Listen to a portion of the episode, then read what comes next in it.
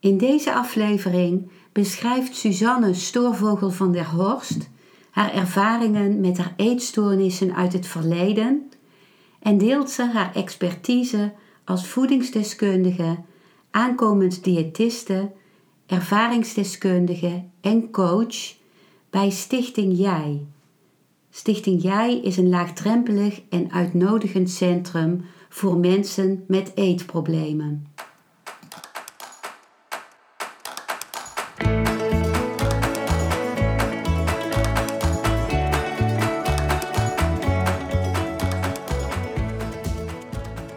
Welkom bij een nieuwe aflevering van Modita's podcast Van Pijn naar Zijn. De podcast waarin ik je meeneem voorbij de pijn in je leven naar wie je diep van binnen bent. Hoe kun je beter omgaan met je gevoelens? Hoe vind je rust in je hoofd? Wat zit er precies achter je pijn? En vooral, hoe kun je steeds meer jezelf zijn? Adem eens diep in en uit. Ik wens je veel luisterplezier.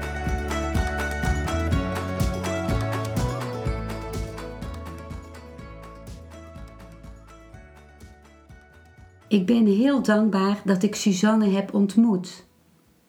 Omdat het zo belangrijk is voor iemand met een eetprobleem om een plek te vinden waar je welkom bent en waar je niet meteen in een keurslijf van behandeling wordt geduwd als je daar nog niet aan toe bent. Op zo'n plek, Stichting Jij, werkt zij. Suzanne is een warme vrouw met een oprecht interesse in degene die de eetstoornis doormaakt en in de naaste van deze persoon, de partner, ouder, broer of zus. Suzanne, ik ben heel dankbaar dat jij mijn gast wil zijn in deze podcast en dat ik jou heb ontmoet. En ik wil jou vragen of jij je eerst zelf voor wil stellen. Ja, nou, ontzettend bedankt dat je me hebt gevraagd. Ik vond het echt een eer en uh, het is ook mijn eerste keer. Um, ja, ik ben Suzanne en ik ben uh, eh, 35 jaar. Ik woon in Halsteren boven Berg op Zoom met mijn gezin, mijn man en twee kinderen. En ik werk bij uh, Stichting Jij, een zelfhulporganisatie voor mensen met eetproblematiek in Rotterdam. En ja, dat kwam voort vanuit mijn eigen geschiedenis daarmee, wat we in deze podcast ook gaan bespreken. Um, en ik heb eigenlijk die geschiedenis gecombineerd met uh, ja, toch wel een soort blijvende interesse uh, voor voeding. En ook een uh, verkregen respect voor het, ons lichaam. En ja, daardoor doe ik nu ook de deeltijdstudie tot diëtiste. Wauw, wat kostbaar dat je zo van binnenuit je werk doet, vanuit jouw eigen ervaring. Ja, dat, uh, daar ben ik echt ontzettend blij mee. Ik, uh, ik had die voeling vroeger niet, of eerder ook niet eigenlijk. Mm-hmm. En toen uh, deed ik eigenlijk altijd dingen waarvan ik dacht dat ik ze zou moeten doen. Van hoe moeilijker, hoe beter. En iets wat comfortabel aanvoelde, dat mocht ik een soort niet doen van mezelf. En nu uh, ja, doe ik eigenlijk iets wat super dicht bij mezelf ligt. En dat is wel eigenlijk het mooiste wat ik me kan voorstellen. Wauw. Wat mooi dat je zegt dat comfortabel voelt, dat het juist eigenlijk je natuurlijke kwaliteit is, hè? Ja, dat heeft een ander mij ook wel echt moeten vertellen hoor. Want uh, ik was zoiets. Uh, ik had zoiets van wat natuurlijk tot je komt. Ja, wat heeft een ander daar nou aan of zo? Dat is niet iets heel slims of uh, mm-hmm. waar je geld mee kunt verdienen. Maar eigenlijk is dat juist het mooiste. En wat je ook met een ander kunt delen. Wauw, wat mooi. En in ons uh, voorgesprek dat wij hadden, uh, vertelde jij iets waar ik in mijn boek Honger naar vervulling naar verwijs. Uh-huh. Uh, bij, in de opvoeding van kinderen met overgewicht. En ehm, jij vertelde dat aan jou als kind niet alleen voedsel werd gegeven door je ouders wanneer je honger had, maar ook om heel veel andere redenen. Waardoor je het eten aan het ervaren van troost ging koppelen. Dat is de, overigens iets wat heel vaak gebeurt, dat ouders het kind voeding geven um, als het iets anders eigenlijk nodig heeft, omdat het vaak heel moeilijk is voor ouders om te herkennen wat is nu eigenlijk de behoefte van hun kind op dat moment. Maar kun jij daar iets over vertellen, over dat voeding krijgen, ook wanneer je geen honger had?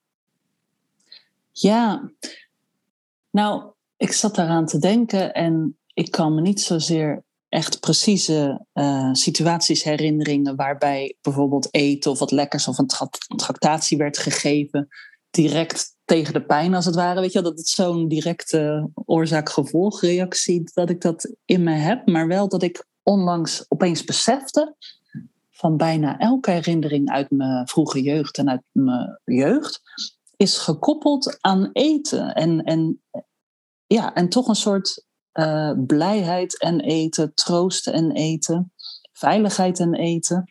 Dus ik dacht, daar moet wel iets zitten. Mhm. En uh, toen zat ik ook te denken van, uh, wat was dat dan bijvoorbeeld? En vroeger, weet ik nog, ging ik een keer... Mijn moeder maakte altijd, uh, als ze pizza maakte, dat maakte ze helemaal zelf. En ja, echt op een soort de ouderwetse manier. En een van de leukste dingen vond ik dat dan om samen te doen. En ik herinnerde, of eigenlijk voelde ik nu van, ja, maar weet je wat daar het mooiste aan was, was die tijd samen. En dat dat een beetje zeldzame quality time was met elkaar. Mhm. En dat ik daarin dan die verbinding voelde ook, dat ik echt met haar was en een soort aandacht kreeg en één op één aandacht.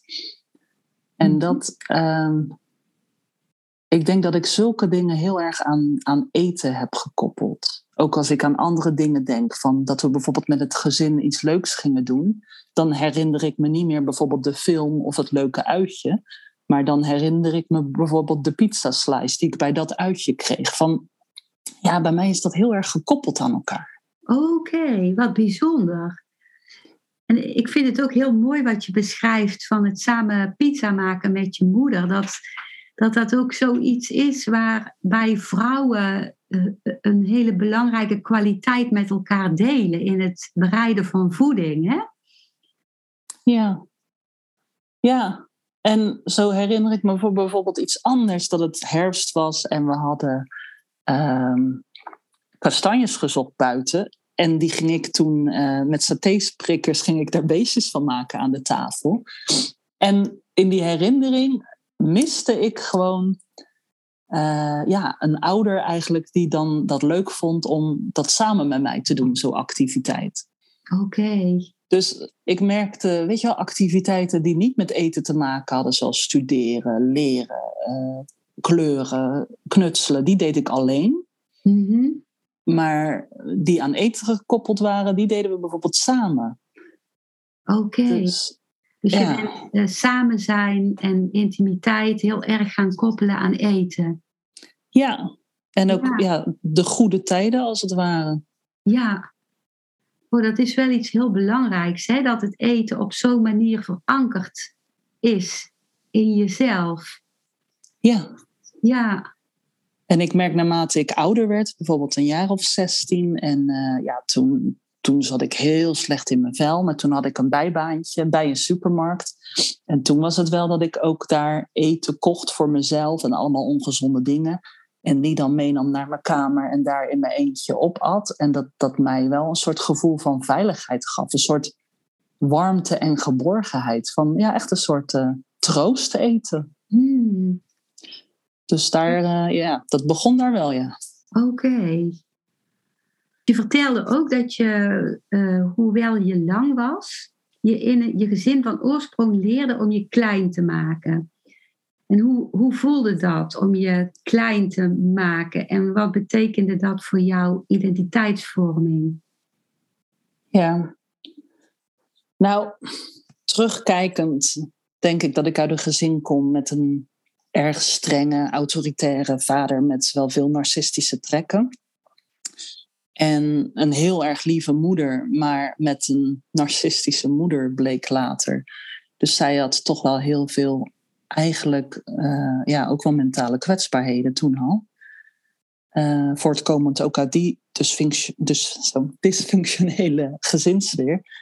En ja, daardoor groeide ik op en mijn zus ook in toch wel een heel onprettige en onveilige uh, dynamiek thuis. Dus mhm. Dat maakte dat je eigenlijk beter af was als je je zoveel mogelijk ja, uh, klein hield. Dus ongezien, ongehoord. Uh, ja, zo min mogelijk eigenlijk plek innam om de mensen die het eigenlijk voor het zeggen hadden en of die het moeilijk hadden, om die niet te, te frustreren. En ja, ik denk dus richting mijn vader wilde ik onzichtbaar zijn om hem niet boos te maken. En naar mijn moeder toe was ik juist uh, ontzettend pleasend. En uh, denk ik dat ik een soort geleerd heb, onbewust, om geen behoefte te voelen of te mogen hebben. Mhm. Of me heel erg schuldig te voelen. Dat weet ik nog wel als ik behoefte had. En daardoor super streng en uh, lelijk tegen mezelf te doen om het af te straffen. Uh, ja, zodat ik me een soort dienstbaar kon opstellen naar het gezin toe. Mm En wat dat, oh ja, wat dat betekende voor mijn identiteitsvorming. Ik denk dat dat dus vreselijk gefrustreerd is in die zin in de bouw, de opbouw daarin, in, in de vorming daarvan. Ik, uh, ik, ja, ik voelde me eigenlijk tot ja, een paar jaar geleden, en dat is nog steeds een uh, natuurlijk work in progress, van als een beetje als een lege huls. En uh, ja, dat ik er meer toe diende om anderen eigenlijk te vervullen. In plaats van aan te vullen. Dus dan zat ik echt in de haarvaten van een ander en, en totaal niet in mezelf. Ja, maar dat kan ik me wel voorstellen dat je dan als je je behoeften helemaal uit moet vlakken, dat je dan eigenlijk leeg bent van binnen. Hè? Omdat je, je drive is juist je, je verlangens en je behoeften. Ja. Om, ja. om die vorm te geven. Ja. En je bent vaak uh, gepest, vertelde jij. Hè? Uh, ook met je groot zijn en met uh, periodes in je leven waarop je gewicht was toegenomen. Mm-hmm. En wat voor invloed heeft dat pesten gehad op jouw leven? Ja, nou, ik denk een enorme invloed, want het begon al jong. Ik denk dat ik een jaar of zeven of acht was. En het was naast school ook thuis. Dus ja, door mijn zus. En daardoor heb ik me eigenlijk vanaf jong kind ook extreem onveilig gevoeld. Onveilig thuis, onveilig in mijn lijf.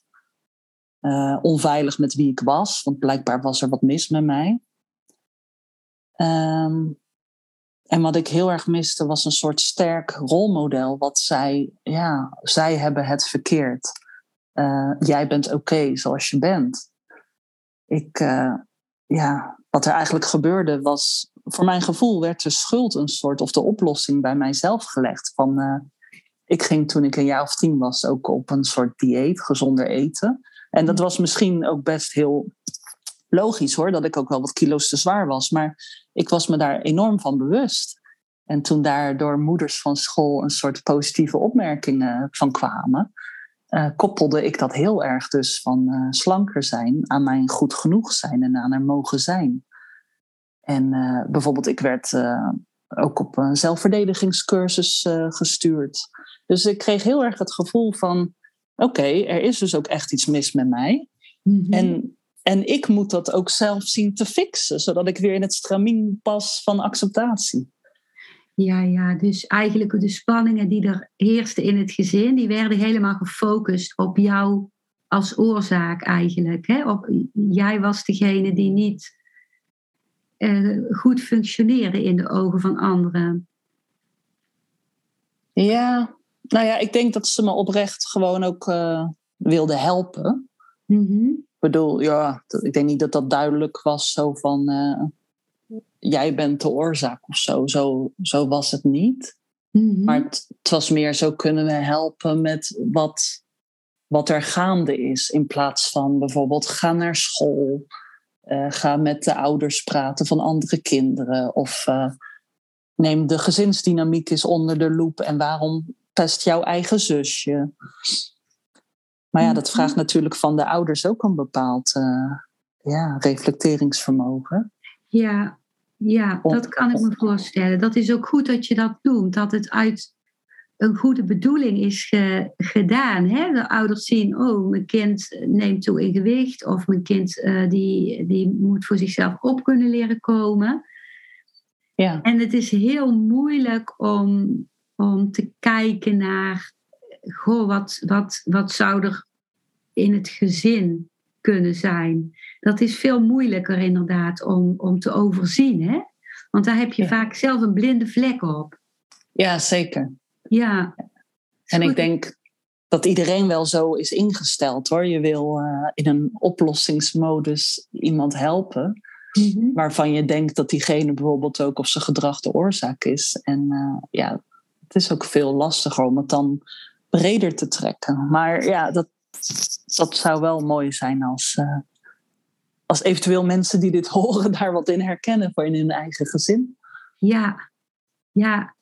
Ja, dat is ook wel mijn gevoel, eh, ook uit mijn eigen ervaringen met eh, eetproblemen, dat, dat eigenlijk, zeker als het kind met het eetprobleem nog thuis woont, dat het altijd goed is om het hele gezin te bekijken. Hè? Dat het eigenlijk een signaal is, het eetprobleem, voor het gezin als geheel. Ja, zeker. Hmm.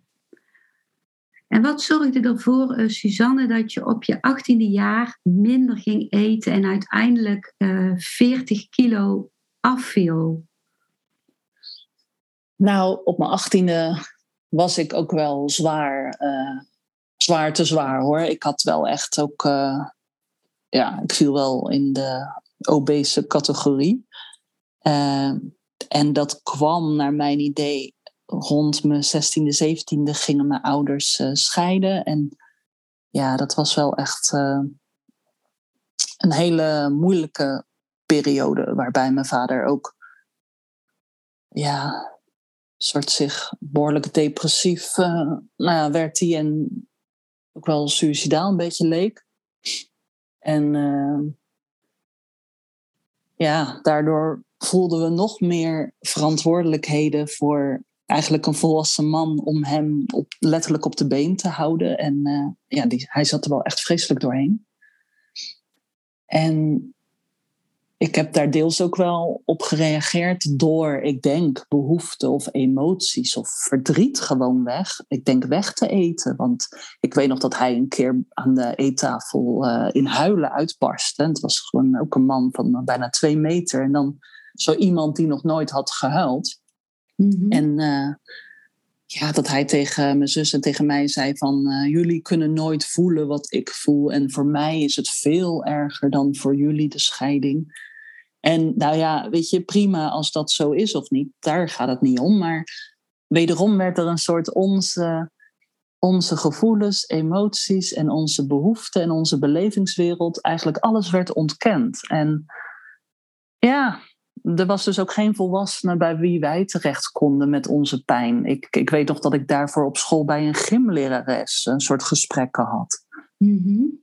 Dus uh, ja, ik, ik at uh, superveel en uh, gewoon ongezonde dingen. En uh, ja, ik, ik creëerde een soort veilige buffer om mezelf heen, denk ik, om minder geraakt te worden. En nou ja, goed, uiteindelijk werd ik daar zelf ellendig van. En dan ging ik naar de huisarts en ik zeg ik wil graag afvallen. En hij stuurde me door naar een diëtist. En dat ging, ja, dat ging goed, dat ging heel goed. Zij leerde me gewoon ook basisdingen en uh, portiecontrole. Dus toen de eerste 10 kilo eraf waren, nou ja, iedereen blij en ik ook. En toen zei ze, nou nu kun je het zelf. En ja, het beviel mij zo goed. Want ik was in die tijd 18, daarna 19. Dus ik begon uit te gaan en ik werd steeds slanker. En daardoor kreeg ik zelfvertrouwen. En daardoor ging ik me bijvoorbeeld een soort leuker of uitdagender kleden. En werd ik meer uh, extrovert. Nou, ik ging uh, stappen en alcohol en veel aandacht en veel vriendjes. En ik dacht, wauw, dit is wat ik nooit heb gehad. Van, uh, mm-hmm. Dit is het leven, dit is fantastisch. En uh, dit is acceptatie en dit is fantastisch. Eindelijk ben ik wat ik nooit heb gehad. Dus ook weer enorme koppeling van, ja, eigenlijk er mogen zijn, mogen bestaan en acceptatie met slank zijn. Ja. En uiteindelijk hing ik daar alles aan op, want ik had nog steeds geen uh, dingen geleerd om bijvoorbeeld grenzen aan te geven. Dus als ik bepaalde mannen of dingen niet leuk vond, ja, dat durfde ik ook niet aan te geven. Dus ik had verder helemaal geen life skills of dingen of grenzen of nog steeds met die identiteit geleerd om, mhm. Eh, om met dat nieuwe lijf ook om te kunnen gaan en die nieuwe wereld. Dus toen, uh, ja, toen heb ik me daar echt een soort uh, in vastgebeten. En ontleende ik alle controle en het overeind kunnen blijven in de volwassen wereld. Door niet meer te gaan eten en steeds minder. En ja, uiteindelijk was er weinig nog van mij over, als ik het zo terugzie. Mm. En ik, ja. En wat had dat eh, weer voor invloed? Veranderde toen jouw sociale contacten weer, toen je zo extreem uh, mager werd? Ja, want ik werkte en ik kon dat werk niet meer doen. Ik kon me niet meer concentreren. Ik kon niet met de mensen meelunchen. Ik deed een uur lang oprecht over als lunch een sinaasappel. Want die ging ik natuurlijk met mes en vork eten. Gewoon de meest hè, de mhm. eetgestoorde dingen die gingen zich vertonen. En ja, dat uitgaan en zo. Op het begin wilde ik dat nog omdat het echt een uitlaatklep was en ik daar juist die kick kreeg van aandacht en alcohol. Maar vriendinnen die verbraken het contact met mij, want die zeiden ja, uh, je hebt geen tijd of een, nou ja, tijd wel, maar geen energie om in ons te investeren, maar je wil alleen nog uit. En ik mhm. Voelde mij, ja, ik weet niet, dat was inderdaad, ik was daar blind voor, want ik was alleen maar bezig met dunner worden en niet eten. En mhm. daarin te overleven en dan in het weekend nog een soort me te verdoven van die pijn waarmee ik de hele week keihard had zitten, mezelf dingen had ontzegd. Dus dat zorgde er wel voor dat de boel ja, nog veel eenzamer werd. Ja, en hoe deed je dat in het weekend, dat verdoven? Uh, nou ja, niet eten en heel veel drinken, dan, uh, dan, ben je, dan sta je al snel op je kop. Oké. Ja, dus ja. Heel, heel alleen was je toen? Ja. Ja. Ja, en ik merkte ook... Um, nou ja, thuis, ik werkte, ik werkte, ik woonde toen bij mijn moeder en haar, uh, haar man, waarmee ze was hertrouwd. Dus uh, dat is mijn stiefvader. En ja, zij waren ontzettend lief voor mij. Maar natuurlijk, zij zag wat er aan de hand was en dat deed haar heel veel pijn. Mm-hmm. En uh, daardoor werd de situatie thuis ook wel onhoudbaar. Want ja, op een gegeven moment zei zij ook zoiets van: Ja, ik heb er genoeg van. Ja, genoeg van de eetstoornis. Maar voor mij voelde dat als een afwijzing van ze heeft genoeg ook van mij, want ik ben nu de eetstoornis. Mm Dus toen was ik ook binnen een week uh, het huis uitgegaan. En daar uh, ja, liep het eigenlijk nog wel verder uh, uit de hand. En in welke zin liep het verder uit de hand? Um, nou, omdat ik juist, ja, ik weet niet of ik nou naar voren spring in de tijd. Maar ik was daarvoor dus lange tijd in behandeling om wel weer te leren eten. Mhm. En toen ik daar als het ware klaar was op papier, kon ik dus wel weer eten. En had ik ook behoefte aan eten, want je hebt jezelf gewoon weer de honger- en verzadigingsmechanismen terug aangeleerd. En de uh, spanning was alleen maar groter. En ook dat ik op mezelf woonde en de eenzaamheid. Dus toen resulteerde dat dat ik uh, eetbuien kreeg. Want ja, ik had gewoon echte honger. Dus niet meer eten was niet echt een optie. Maar ik kon ook niet met al die spanning en geen nieuwe copingmechanismen iets anders doen. Dus dan was het doorslaan in eten. En dat kon ik daarna niet handelen. Dus toen ging ik braken en zo ontwikkelde eigenlijk de bulimia zich. Ja, ja. ja. Oh, en je zei dat je toen al in behandeling was geweest. Dus je was uit huis gegaan en toen heb je ook behandeling gezocht. was dat toen je nog zo weinig at dat je behandeling ging zoeken? Uh, ja, dus dat was nog toen ik thuis woonde bij mijn moeder en uh, haar man. Oh. En, ja, en dat maakte het ook lastig. Want, en, en, uh, ja. En wat maakte dat je open stond voor behandeling? Omdat je vaak hoort dat mensen juist niet behandeld willen worden uit angst om te moeten gaan eten, zeg maar. Ja, nou precies. Het was ook vreselijk uh, tegenstrijdig en uh, ambivalent was ik daarin. Want mm. ik wilde eigenlijk hulp. Ik denk hulp, omdat ik, uh, ja, ik kon niet meer werken. Ik kon niet meer me concentreren. Ik kon niet meer eten. Ik kon dus ook niet meer goed thuis zijn. Want daar was iedereen alleen maar erop gericht van... je moet beter worden. Mm-hmm. En ik voelde me ook hartstikke depressief. Dus eigenlijk uit wanhoop belde ik toen met, uh, ja, toen nog uh, de BAVO. Ja. Uh, van ik wil hulp. Ja. En nou ja, hartstikke goed natuurlijk. Maar toen kwam ik eigenlijk in een enorme behandeling terecht. ja, zo'n voltijdbehandeling van vijf dagen per week. Mm-hmm. Wat er volledig op gericht was om te breken met die eetgestoorde gedachten en gedragingen en je weer aan het eten te doen krijgen. Maar ja, dat wilde ik niet. Ik wilde weer blij zijn, maar niet iets aan mijn eten doen. Dus ik ging daar volledig ook uh, met mijn hakken in het zand. En elke week werd ze daar gewogen. En de bedoeling was natuurlijk elke week iets aan te komen. Maar ik zorgde ervoor dat ik elke week iets was afgevallen. Dus uh, het was een enorme strijd daar. Ja, ja, dus je werd eigenlijk niet begeleid in juist het vinden van de vervulling die je zocht. Maar er werd alleen de focus op het eten gelegd. Begrijp ik dat goed? Ja, voor mijn gevoel voor 80% wel. En voor de rest was het groepstherapie. Dus als het dan ging over systeemtherapie, ja, weet je, dan kon één keer per behandeling uh, je familie komen praten. Ja, dat voelde meer dan als een doktersintake dan dat het ging over de zere plek. Want hoe kun je dat doen in één uurtje met je gezin die er eigenlijk heel sceptisch of, of verdedigend of uh, afwijzend of bang ook in staat, of juist positief. Maar hoe kan je dat dan doen met een vreemde behandelaar in een uurtje bewijzen van? Ja, ja, ik begrijp het. Dus uh, de nadruk lag heel ergens anders als wat jij graag gewild had. Ja, het ging echt om eigenlijk om die eetstoornis te breken. En ja, ik had die nog enorm nodig, want ik had niks anders om uh, met al mijn uh, spanning, angst en vooral die vreselijke zware zelf uh, innerlijke criticus om te kunnen gaan. Mm-hmm. Dus ik kon daar helemaal geen afstand van doen. En hoe meer zij dat wilde, hoe, hoe erger ik ja, eigenlijk tegengas gaf.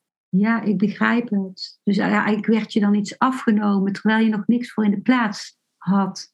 Precies, ja. ja. En, en de dingen werden natuurlijk daar ook een beetje opengebroken met uh, bijvoorbeeld uh, uh, ja, creatieve therapieën. En ik was allemaal zwarte dingen aan het maken of aan het scheuren. Of nou, in ieder geval gewoon heel depressieve dingen.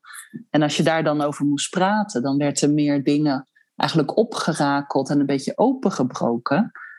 Wat mijn spanning juist verhoogde. En daarna moest je weer je tussendoortje nemen. Nou ja, dat, dat, dat stond natuurlijk. Dat stond een soort haaks op uh, waar ik me veilig bij voelde. Ja, ik begrijp het. Ja, in feite zou je juist dat tussendoortje nog een. Of, of zou je juist uh, je nog een hele tijd vast moeten kunnen mogen houden aan je oude eetpatroon voordat je iets anders hebt opgebouwd, hè? Ja, of een soort wel een ondergrens van oké, het is verantwoord of je eet in ieder geval wel wat, want dat moet natuurlijk ook niet slechter worden. Ja. Uh, maar er had meer tegenover moeten staan, een soort uh, traumaverwerking of EMDR of iets dat er uh, een screening was van oké, ben je gewoon fysiek daartoe in staat en mhm. kun je veranderingen aan, dat er dan ook wat meer geboden werd. En nu was het een uh, ja, één behandeling uh, fits all aanpak. En je vertelde in ons voorgesprek dat daar bij de toenmalige BAVO, bij die eetkliniek, dat uh, eetstoorniskliniek, dat daar jouw perfectionisme en innerlijke criticus zelfs toenamen. Hoe, hoe, hoe zat dat in elkaar volgens jou, dat gebeurde? Uh, nou ja, ik denk voor mij omdat er niets tegenover stond. Ik, uh, ja, ik had geen veiligheid in mij of een soort coach of iets extern die mij vertelde of liet zien van hé, hey, jij hebt waarde. Of waarom denk je zelf dat je wel of geen waarde zou hebben, die bepaalde veronderstellingen met je zou toetsen. Mm ja, dus er werd eigenlijk nog niks met die identiteit gedaan. Of met mijn lichaam van binnen gedaan. Een soort, weet je wel, de, de storm van binnen. Een soort proberen te laten afnemen echt eigenlijk veiligheid toedienen. Dat miste ik heel erg. Dus ja. ik had helemaal geen alternatief. En daardoor werd voor mij die, uh, uh, die innerlijke criticus veel sterker. Want ik ging natuurlijk uiteindelijk wel eten, want anders moest je stoppen met uh, behandeling. Mm Nou ja, goed. de eetstoornis vond dat het ultieme bewijs van falen. Ja, ja, ik snap het. En ook, ja, anorexia werd toch dan gezien als een soort de koning onder de eetstoornis, koningin. Van jij hebt de, jij hebt de discipline om uh, het niet te nemen.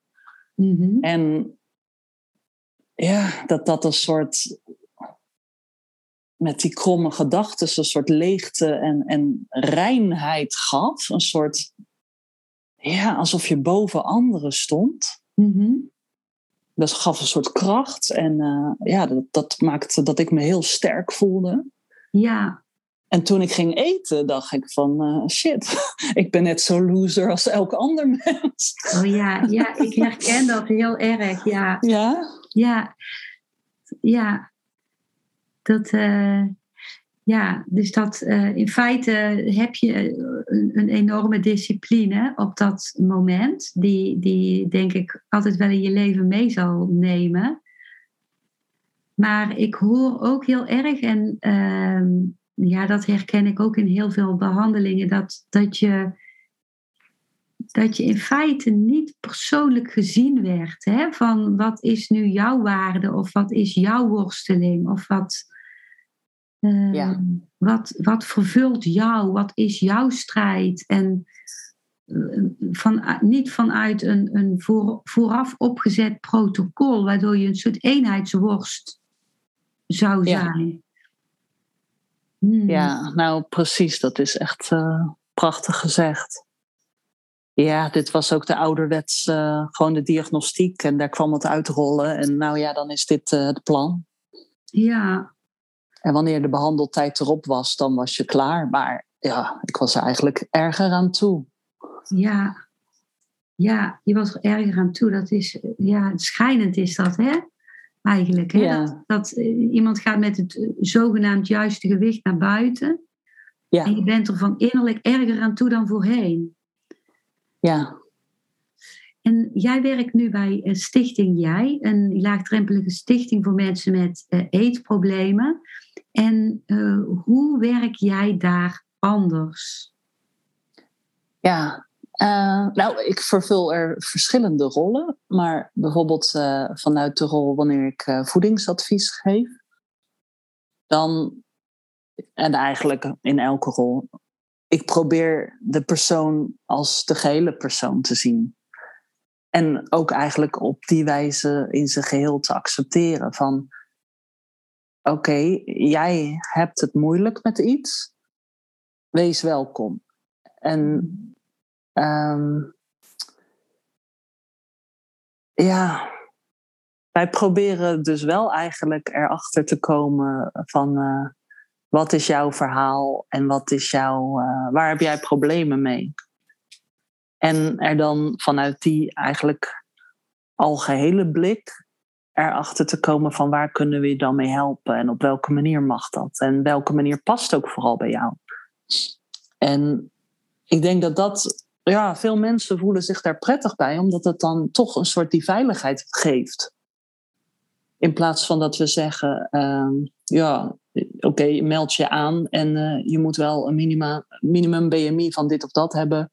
Of uh, we gaan eetlijsten introduceren. Dat is bij ons allemaal niet. Het is uh, zelfhulp en de cliënt is ook zelf verantwoordelijk. Mm-hmm. En ja, dus er vindt natuurlijk wel een screening plaats vooraf of, ja, of dingen verantwoord zijn. En ik zie het graag ook als een soort complementaire behandeling naast bijvoorbeeld behandeling of toezicht van een huisarts of wel van een psychu of wat dan ook. Of meer lichaamsgericht iets of door een psycholoog. Maar bij ons mag je dus komen en we werken eigenlijk altijd ja, aan herstel. En we zijn altijd gericht op, ja, je wil uiteindelijk wel naar het goede toe. In de zin van hè, jouw, jouw beste jou. Mhm. Eh, maar wel op een manier en vooral ook een tempo die, die bij jou past. Dus dat mag ook vijf jaar, tien jaar of een maand zijn. Weet je, dat is aan jou. En uh, ja, daarbij begeleiden we natuurlijk en hebben we evaluaties. Maar uh, er zit dus niet zo'n dwang achter. En in de activiteiten die ik organiseer, ja, want ik ben ook coördinator dus van het activiteitenaanbod. En die zijn gericht ook op herstel. Dus we hebben gewoon uh, activiteit gericht op ontspanning, zoals yoga. Maar ook veel meer op zelfbeeld of zelfvertrouwen. Of pas bijvoorbeeld, bijvoorbeeld had ik extreme tubing voorgesteld. Om even, ja, hoe is het nou als je durft los te laten? En als je controle durft los te laten. Dus daarbij zijn we ook wel heel erg bezig met die identiteitsvorming. Oké, en, en wat is uh, extreme tubing? Oh, nou dat is in Rotterdam heb je zo'n groot, ja, zo'n nep skiberg, die wintersportberg in Bergzoek. Ja. En dat, ja, dat is van Borstels. En daar hebben ze voor heel het jaar door hebben ze daar banen gemaakt met van die hele grote banden, die donuts. En dan ja, ga je boven op de berg, stap je in zo'n band. En dan ga je nogal hard naar beneden. Oké. dus dat is best spannend, maar ook wel weer een soort. Ja, je kan loslaten en uh, ook een soort het kinderlijke in jezelf weer mogen ontdekken en daarmee in contact komen. Vaak iets wat je in het verleden niet hebt kunnen of mogen toestaan. Wat bijzonder.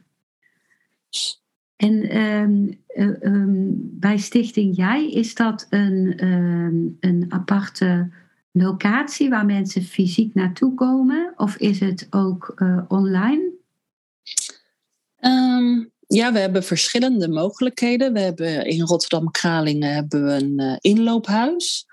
En dat is uh, ja, eigenlijk ook anoniem. Dus men krijgt een beetje cryptisch dan de adresgegevens. Mm-hmm. en daar kunnen mensen op de maandag, woensdag en donderdag inlopen. Nou ja, sommigen doen dat bijvoorbeeld na hun therapie of de EMDR. Anderen doen het juist als dagbesteding. En daar zijn dan altijd uh, leuke creatieve ehm, activiteiten te doen. Maar je kan ook gewoon een praatje komen maken of juist helemaal niks doen. Of een bak, bakje thee komen doen. En ja, we hebben in de avonden hebben we groepen voor groepsbegeleiding. Mhm. En die worden geleid dan ook door ervaringsdeskundigen. En we hebben bijvoorbeeld ook overbruggingsgroepen uh, of uh, wachtlijstgroepen. Dus mensen die de reguliere zorg in willen. Maar dat er zeker ook met corona zijn die, ja, die wachtlijsten zijn niet normaal. Dus dan kan je bij ons al eerder aan de slag om, al is het maar om te kunnen wennen, om onder de mensen te zijn. Of om uit je huis te gaan. Of om te durven praten gewoon letterlijk plek in durven te nemen. Mhm. En ja, daar kunnen mensen dan uh, aan deelnemen. Bijvoorbeeld ook een motivatiegroep als je nog erg uh, ambivalent bent. Kijk, zoiets had voor mij dus perfect geweest. Van ik wil wel beter worden, maar ik weet niet hoe of waarom. Of wat er dan voor in de plek zou moeten komen. Nou, dan kan je daar starten om ja, daar wat meer informatie en grip op te krijgen. Wat mooi, wat, wat een grote vrijheid ook. Hè? Dat je gewoon niet meteen van, als je aankaart dat je een eetprobleem hebt, dat je al in een protocol wordt geduwd. Maar dat je gewoon helemaal zelf kan bepalen wat is voor mij goed. En uh, langzaam uit kunt zoeken waar je behoefte aan hebt. En uh, dat het ook een anonieme insteek in het begin kan zijn. Ja. Ja. ja, inderdaad ideaal. Want ook niet van iedereen die wil dat ze gezin of partner of kinderen of dat mensen of zijn werkgever, dat iemand het weet. Dus dan is dat ook prettig dat je bij ons. Uh, het is ook niet gekoppeld aan zorgverzekeraars. Uh, dus het is echt een soort heel anoniem. Want is het dan, hoe zit het dan met de vergoeding als het niet met uh, zorgverzekeraars gekoppeld is? Mm, nou, voor zover ik weet betaal je het dan zelf, maar dat zijn wel echt, uh, ja, het zijn meer symbolische bedragen. Oké, ja. ja. En uh, zijn er ook uh, online mogelijkheden voor mensen die bijvoorbeeld niet in Rotterdam wonen? Ja, um, we hebben bijvoorbeeld sowieso via de website uh, hebben we op bepaalde dagen en uren chatmogelijkheden. Dat je ook anoniem met een ervaringsdeskundige kunt chatten. Dus ook als je een soort opeens uh, ad hoc uh, een beetje in nood zit, dan, ja, dan kan je daar ook een prangende vraag voor leggen. Maar um, het voedingsadvies wat ik heb gegeven is eigenlijk zeker gedurende corona is allemaal via Zoom of Teams gegaan. En dat werkt eigenlijk heel goed. Mm -hmm. En ook in ieder geval door corona uh, waren de groepsbijeenkomsten waren ook online. Okay. Dus dan is het ook niet uh, afhankelijk van waar je woont. Oké, okay. wat mooi. En um, hebben jullie ook groepen voor uh, ouders of partners of alleen voor de mensen met het eetprobleem zelf? nou, we hebben ook ja, bijeenkomsten voor naasten. Dus elke, ja, zes of acht weken hebben we wel een bijeenkomst voor naasten. En dan hebben we ook een uh, ervaringsdeskundige van naasten. Dus uh, ja, een dame wiens kind bijvoorbeeld dat heeft meegemaakt. En uh, ja, dat vinden ouders heel waardevol. Want je kunt het natuurlijk horen van iemand die het heeft meegemaakt. Maar dan weet, ja, dat is natuurlijk nooit hoe jij het als ouder hebt beleefd. Of als zus mm -hmm. of als partner. Dat is natuurlijk weer heel anders. Mm-hmm. Uh, ja, dus dat is wel heel mooi dat we ook die, uh, die naaste bijeenkomsten hebben. Ja, wat kostbaar. Want uh, is er iets wat jij zou willen meegeven of belangrijk vindt voor de naaste van iemand, de ouders of de partner of broers of zussen van degene met het eetprobleem? Ja, en toen ik daar van tevoren aan zat te denken, besefte ik me ook wel dat dat een beetje, ja, het is geen onmogelijke opgave, maar het is wel, denk ik, het luistert heel gevoelig. Dus dat begrijp ik, hoe moeilijk dat moet zijn voor een naaste. Want wat ik eigenlijk bij mijn uh, gezin heb gemist, is, nou ja, mijn vader sowieso, die, uh, die ontkende het. Dus dat, dat hielp niet. dat is vooral niet aan te raden. Um, maar mijn moeder, zij was met echt de meest lieve en goede bedoelingen. Zij was gewoon doodsbang van, oh mijn god, mijn kind is ziek. En dit is een geestelijke ziekte waar je aan dood kunt gaan. Ik bedoel, dat is zo. Mm -hmm. En vanuit die gedachte en angst en natuurlijk je moeder, uh, je ouderinstinct. Je wil je kind redden en helpen. Dus zij zat volledig in de help- en fix-modus. En daardoor stond ze een soort, voor mijn gevoel, er, weet je wel, als een soort, ja, met gebalde vuisten wilde zij natuurlijk vechten tegen die eetstoornis. Maar ik, of de eetstoornis, die stond ook met gebalde vuisten. Van ja, je gaat mij niet wegkrijgen. Want dat kan en durf ik niet. Dus ja, je ziet dan eigenlijk twee mensen die strijden tegenover elkaar. En daardoor was er geen uh, echt contact. Zij kon daar dus niet doorheen breken en mij zien. Mm-hmm. en, en, ik was op dat moment natuurlijk hartstikke ziek. Dus ik kon ook haar goede bedoelingen niet zien voor wat ze waren. Ik zag alleen een hele hoop bemoeienis en uh, micromanagement en controle. Mhm. En ik had juist zo'n enorme behoefte aan autonomie. En, uh, en, vertrouwen in mij, van het komt wel goed. Um, dus wat ik zou willen meegeven is, ja, niet, je moet er als ouder niet in meegaan, als een soort met de eetstoornis meegaan, alsof je die wil enabelen. Dat is natuurlijk niet goed. Maar probeer het kind of de jongere te zien die erachter zit, die er binnenin zit, zit. Dus die zich eigenlijk ja, vreselijk bang en alleen voelt. Hmm. En in plaats van dan zo'n uh, afwerende houding van uh, ja, je mag eigenlijk niet zeggen dat het er is, want dan is het echt zo. Weet je wel, dat je niet wil accepteren dat de eetstoornis er nou eenmaal is. Ik denk wel dat het goed is als je dat met elkaar kunt bespreken. Van ja, de eetstoornis die is er nu eenmaal. Ik bedoel, dat zien we. En mm, je, je kan nergens anders aan denken en uh, niks anders doen eigenlijk. En je gaat ervoor in behandeling. Uh, Oké, en, en wat kunnen we dan met elkaar? Van, wat zit daar dan achter? Dat je dan vanuit uit dat punt uh, dieper gaat. En ik heb het gevoel, bij mij is het altijd bij die, bij die poort gebleven. Van, oh mijn god, een eetstoornis, een eetstoornis. Van, daar moeten we alleen maar tegen vechten. En we kunnen het niet accepteren dat, er op, dat dat er op dit moment is.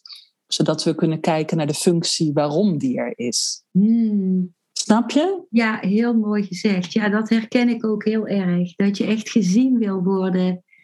Degene die jij bent, die onder die stoornis, eetstoornis zit. Hè? Eigenlijk te zitten wachten om gezien en begrepen te worden.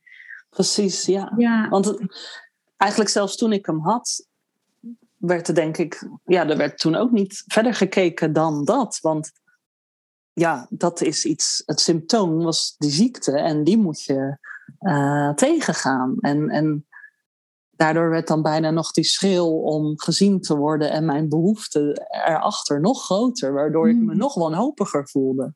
Ja. ja. Dus ja, oh, mocht er een verbinding kunnen zijn, waardoor uh, ja, ouders daar wel uh, doorheen kunnen prikken, dan uh, dat zou denk ik echt wel waardevol zijn en een mogelijkheid richting herstel. Maar ik ben me terdege bewust hoor, ook als moeder. Als jouw kind ziek is, dan ga je niet denken: Goh, wat is dit voor een symptoom? Althans, het lijkt me dat je dan gewoon, je wil het oplossen. En je wil dat het klaar is mhm. en dat je kind veilig en gezond is en dat het weer goed is. Ja, ja. Ja, dat, is, dat lijkt me ook heel moeilijk als je met iets levensbedreigends te maken uh, hebt om dan eigenlijk nog een stap terug te kunnen doen om het grotere geheel te, te kunnen blijven overzien. Hè? Dat is. Uh, ja. Heel tegennatuurlijk, denk ik. Ja, ja, terwijl dat juist zo belangrijk is. Want uh, juist de relatie is zo belangrijk. Hè? Waar, je, waar je ook om zit te smachten alsgene met de eetstoornis. Om een echte, authentieke relatie met iemand. En ik vond ook in ons voorgesprek heel kostbaar om te, van jou te horen ook hoe bijvoorbeeld de relatie met jouw man, die nu de echtgenoot en vader van jou, de echtgenoot is en de vader van jouw twee kinderen, mhm. hoe die jou heeft geholpen van, met, bij het loskomen van je eetprobleem. Kun je daar iets, nog iets over vertellen? Ja, zeker. Nou, ik denk. Eh, ja, dus ik zat er wel uh, flink diep in, maar ook wel weer in een andere uh, therapiegroep om uh, er bovenop te komen voordat ik mijn man leerde kennen. En ik denk sowieso, ja, de verliefdheid en gewoon alles wat, wat daarbij hoort, dat gaf mij energie en ja, dat bracht veel meer licht en, en liefde en dus positiviteit. Waardoor er veel minder ruimte gewoon was voor depressie en negativiteit en, en de duistere kant als het ware. Meer van, ja, jeetje, als, als ik hem wil zien, dan, uh, ja, dan moet ik daar wel energie voor hebben. Of wil ik naar zijn huis fietsen, bij wijze van, dan moet ik dat wel kunnen. Ik dacht daar helemaal niet zo bewust bij over na, maar dat maakte wel dat een soort, de positiviteit dan in een soort flow kwam, waardoor dat makkelijker ging. Mm En daarnaast ja, hij had zelf een veel. Uh, hij was heel rustig en heel stabiel. En hij had zelf een veel beter gevoel voor zijn identiteit en uh, wie hij was en wat hij wilde. En ja, eigenlijk, hij, hij bevroeg mij daar ook uh, op. Van, uh, weet je wel, wat zou jij willen? Of wat lijkt je leuk om te doen? Of wat wil je eigenlijk worden later? Of wat wil je met je leven? Dus op die manier gaf hij ook, ja, misschien wel voor hem, zonder dat hij het wist, daarmee input voor mijn identiteitsvorming. En we gingen dan ook samen naar open dagen van scholen. Ik was toen halverwege de twintig. Uh, of 23, zoiets. En bijvoorbeeld een beroepenkeuzetest doen. En ja, we gingen heel veel reizen. Dus ik ontdekte eigenlijk steeds meer dingen die ik leuk vond. En dat heeft, ja, dat heeft echt wel geholpen. Wat bijzonder. Dus je had weer iets om voor te leven. ja. ja. ja. En ook gaandeweg, dan, ja, dan, dan pakt dat toch aan, ja, hoe noem je dat, aan momentum of zo. Van, met reizen ontdekte ik dat ik uh, bijvoorbeeld bepaalde talen en culturen hartstikke interessant vond. Nou, en dan in mijn studie deed zich uh, een mogelijkheid voor om een semester naar uh, Marokko te gaan. En dat deed ik toen. Nou ja, dat had ik daarvoor natuurlijk helemaal niet kunnen bedenken dat ik dat ooit zou doen of durven. Wauw, wat mooi. Ja, dus dat is wel echt heel leuk. Wat kostbaar. En uh, uh, je, je, je zei uh, hoe, hoe je ge, gezocht hebt naar een, een innerlijke vervulling in plaats van het eetprobleem. Mm-hmm. En hoe sta je daar nu in, Suzanne? Um, nou, ja, ik moet zeggen, daar ben ik wel absoluut dagelijks mee bezig. Mm-hmm. Um, ja, ik denk dat ik. Uh, ik heb dat op papier als het ware in mijn hoofd van wat dat is en waardoor ik vervuld word. Mm-hmm. En dan is het nu elke dag gewoon weer de uitdaging om dat dan ook te gaan doen. Ja. Want nog een, heel. Oh, sorry? Wat een mooi antwoord. Dat het uh, work in progress is, uh, in feite. Ja. Ja, absoluut. Want weet je, ik zou graag zeggen van, uh, nou ja, het is allemaal fantastisch en helemaal goed. Maar ik denk juist ook in mijn werk en uh, qua perspectief wat je anderen geeft, het is heel realistisch dat uh, ja, dingen die zo in je haarvaten zitten en zo erg gelinkt zijn met jezelf qua um, eigenwaarde en angsten en, en dwang en allemaal dingen dat die waarschijnlijk je hele leven gewoon wel een kwetsbare plek zullen blijven. Mhm. Maar het gaat erom ook hoe je met jezelf en met je ziel omgaat en je leven daarop inricht en of je ja, eigenlijk een, een waarde durft te voelen en, en dus een eigenwaarde durft te voelen, waardoor je daarna hulp durft te vragen als je dingen niet durft of kunt of zo. Weet je, dus ik denk dat het begint met zijn basis van, uh, ja, van eigenliefde. En dat je vanuit daaruit dan weer um, ja, ook die, die life skills eigenlijk en die copingmechanismen leert uh, te ontwikkelen en durft toe te passen. En dat als een soort cyclus hoor. Want de ene keer dan voel ik me echt als, uh, nou ja, waardeloos letterlijk weer. Mm-hmm. En dan, uh, dan moet ik echt heel erg diep graven en zoeken en mediteren of echt naar de kern gaan. En, uh, ja, en aangeleerde dingen toepassen van waardoor ik me weer beter ga voelen en niet ga vermijden en in een soort neerwaartse spiraal kom. En dan gaat het weer beter. Dus het blijft gewoon een wisselwerking. Ja, wat mooi dat je ook uh, ja, zo eerlijk uh, bent naar jezelf. En dat voelt ook echt als iets heel gegronds. Dat je niet een of ander uh, halleluja verhaal, weet je wel. Maar dat het echt dagelijks kijken is en werken aan jezelf. bewustzijn, meditatie en toepassen van wat, je, wat jou helpt. Dus ehm, En je vertelde dat je bent nu bijna afgestudeerd als diëtiste.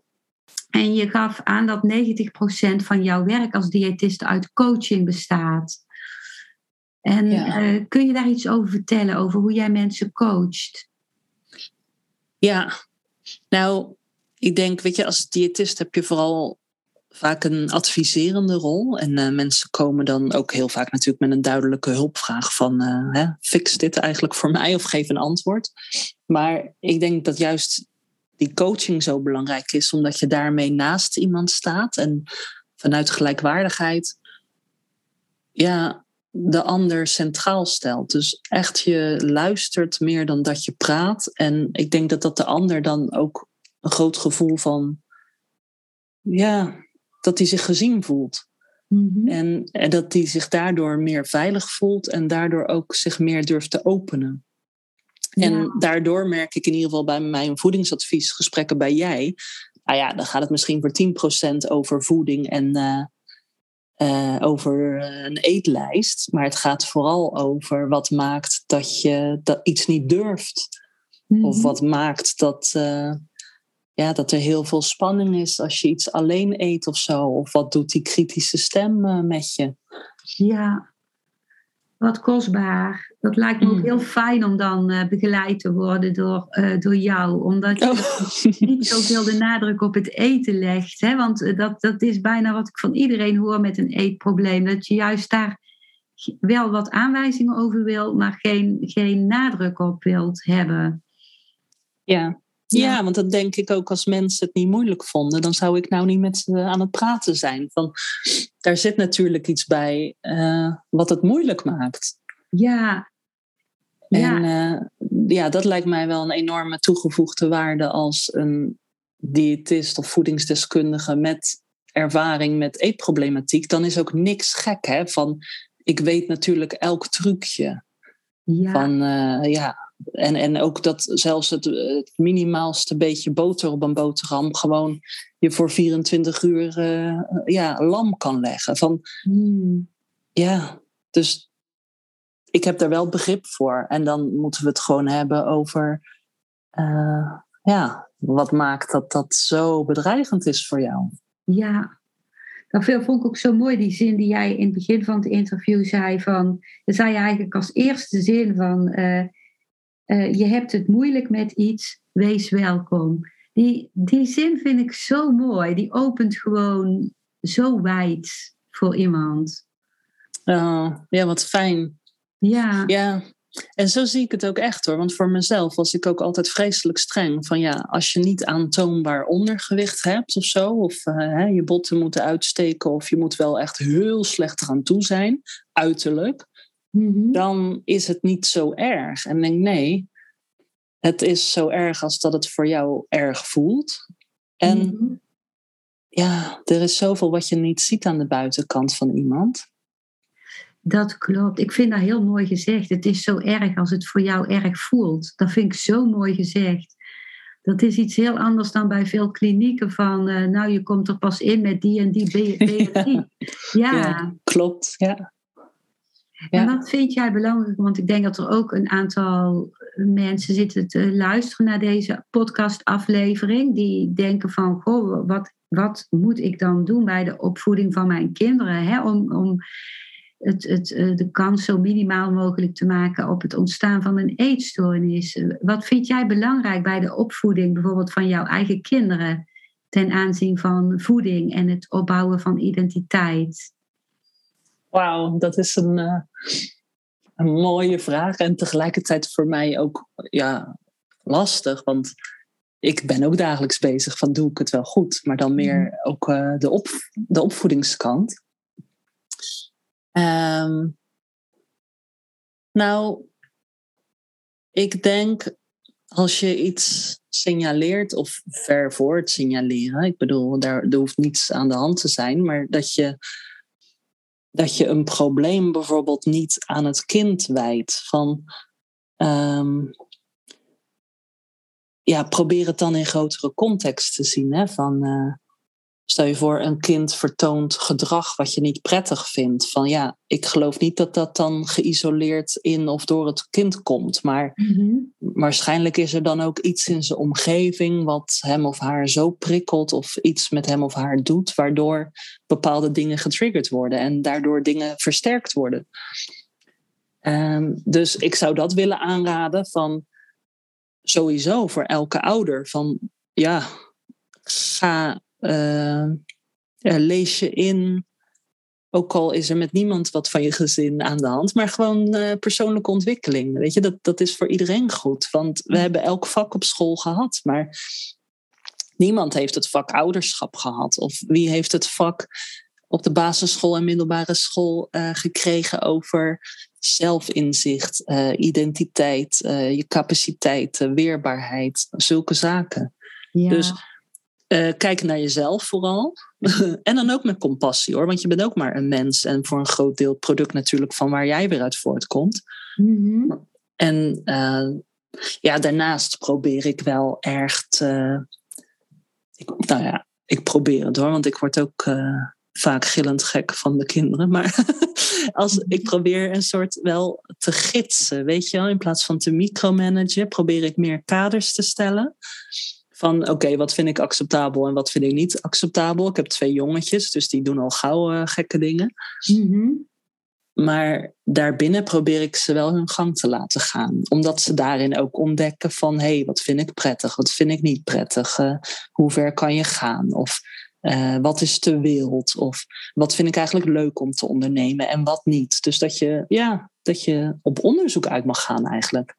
Ja, wat mooi. Heel mooi. Eh, ja, dat vind ik een heel rijk antwoord. Eh, En Suzanne, ehm, hoe kunnen mensen eh, jou eh, en of Stichting Jij bereiken? Ja, nou ja, er is ons e-mailadres. Daar, als je een vraag hebt of een algemene vraag of een prangende vraag, die, die wordt gewoon dagelijks gelezen. Dat is info.stichting-jij.nl.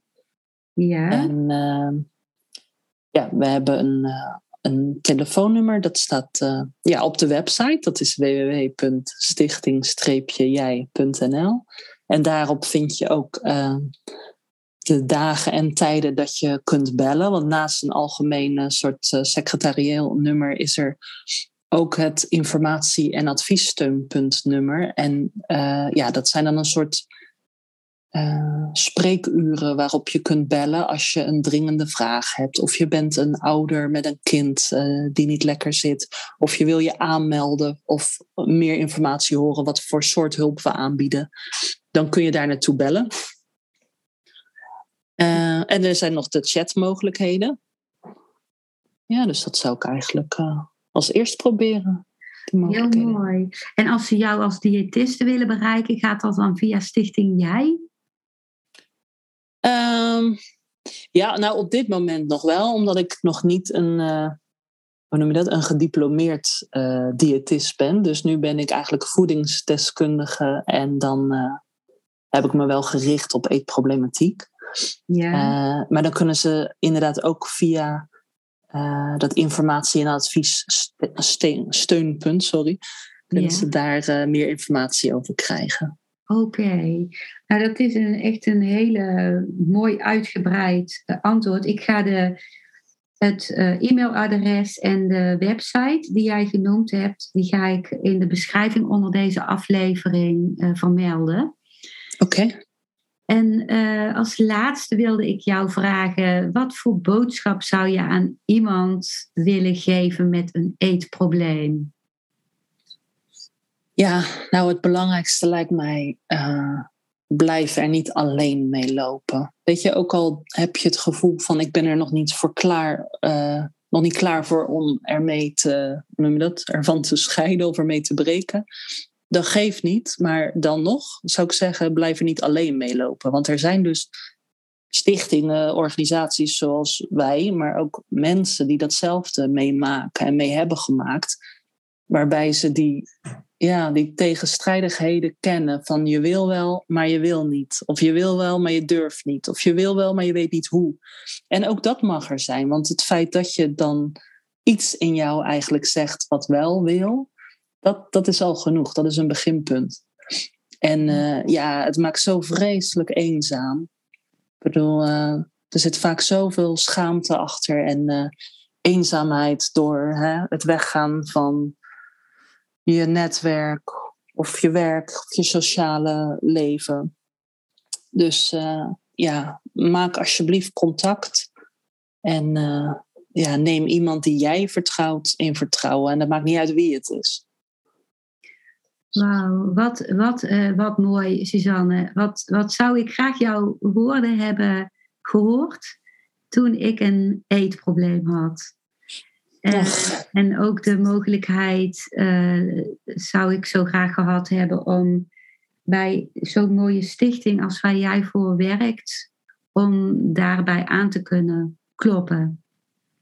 Dus ik ben heel dankbaar dat jij mijn gast bent geweest. En ik hoop dat heel veel mensen, zowel mensen met een eetprobleem als hun naasten, uh, iets uh, veel aan, dit, uh, aan deze aflevering zullen hebben. Ja, dankjewel. Ja, dat hoop ik ook. En ja, jij heel erg bedankt voor ja, de fijne ontvangst en begeleiding hiervan. En mij ook prettig en veilig doen laten voelen. Dus ja, dat is echt heel waardevol wat je doet. Dankjewel. Dankjewel voor het luisteren naar deze aflevering. Ik hoop dat hij je een nieuw inzicht of perspectief heeft gegeven. Ik hou van interactie, dus als je iets wilt delen, stuur me dan een mailtje op info@genietenvanmeditatie.nl. Ik geef je dan altijd antwoord. Ik wens jou dat je vreugde in het dagelijks leven zult ervaren en innerlijke rust. En dat je steeds meer je pijn zult kunnen omvormen in zijn. Je kunt de afleveringen van deze podcast volgen via Spotify, Google Podcast, Apple Podcast en Podbean door op de volg- of abonneerknop te klikken. Als je luistert via de Apple Podcast, dat kan alleen als je een iPhone hebt, heb je een extra voordeel. Omdat als je op de knop abonneren klikt, je steeds een berichtje op je mobiele telefoon ontvangt als er weer een volgende aflevering van mijn podcast verschijnt. Je bent van harte welkom bij die volgende aflevering.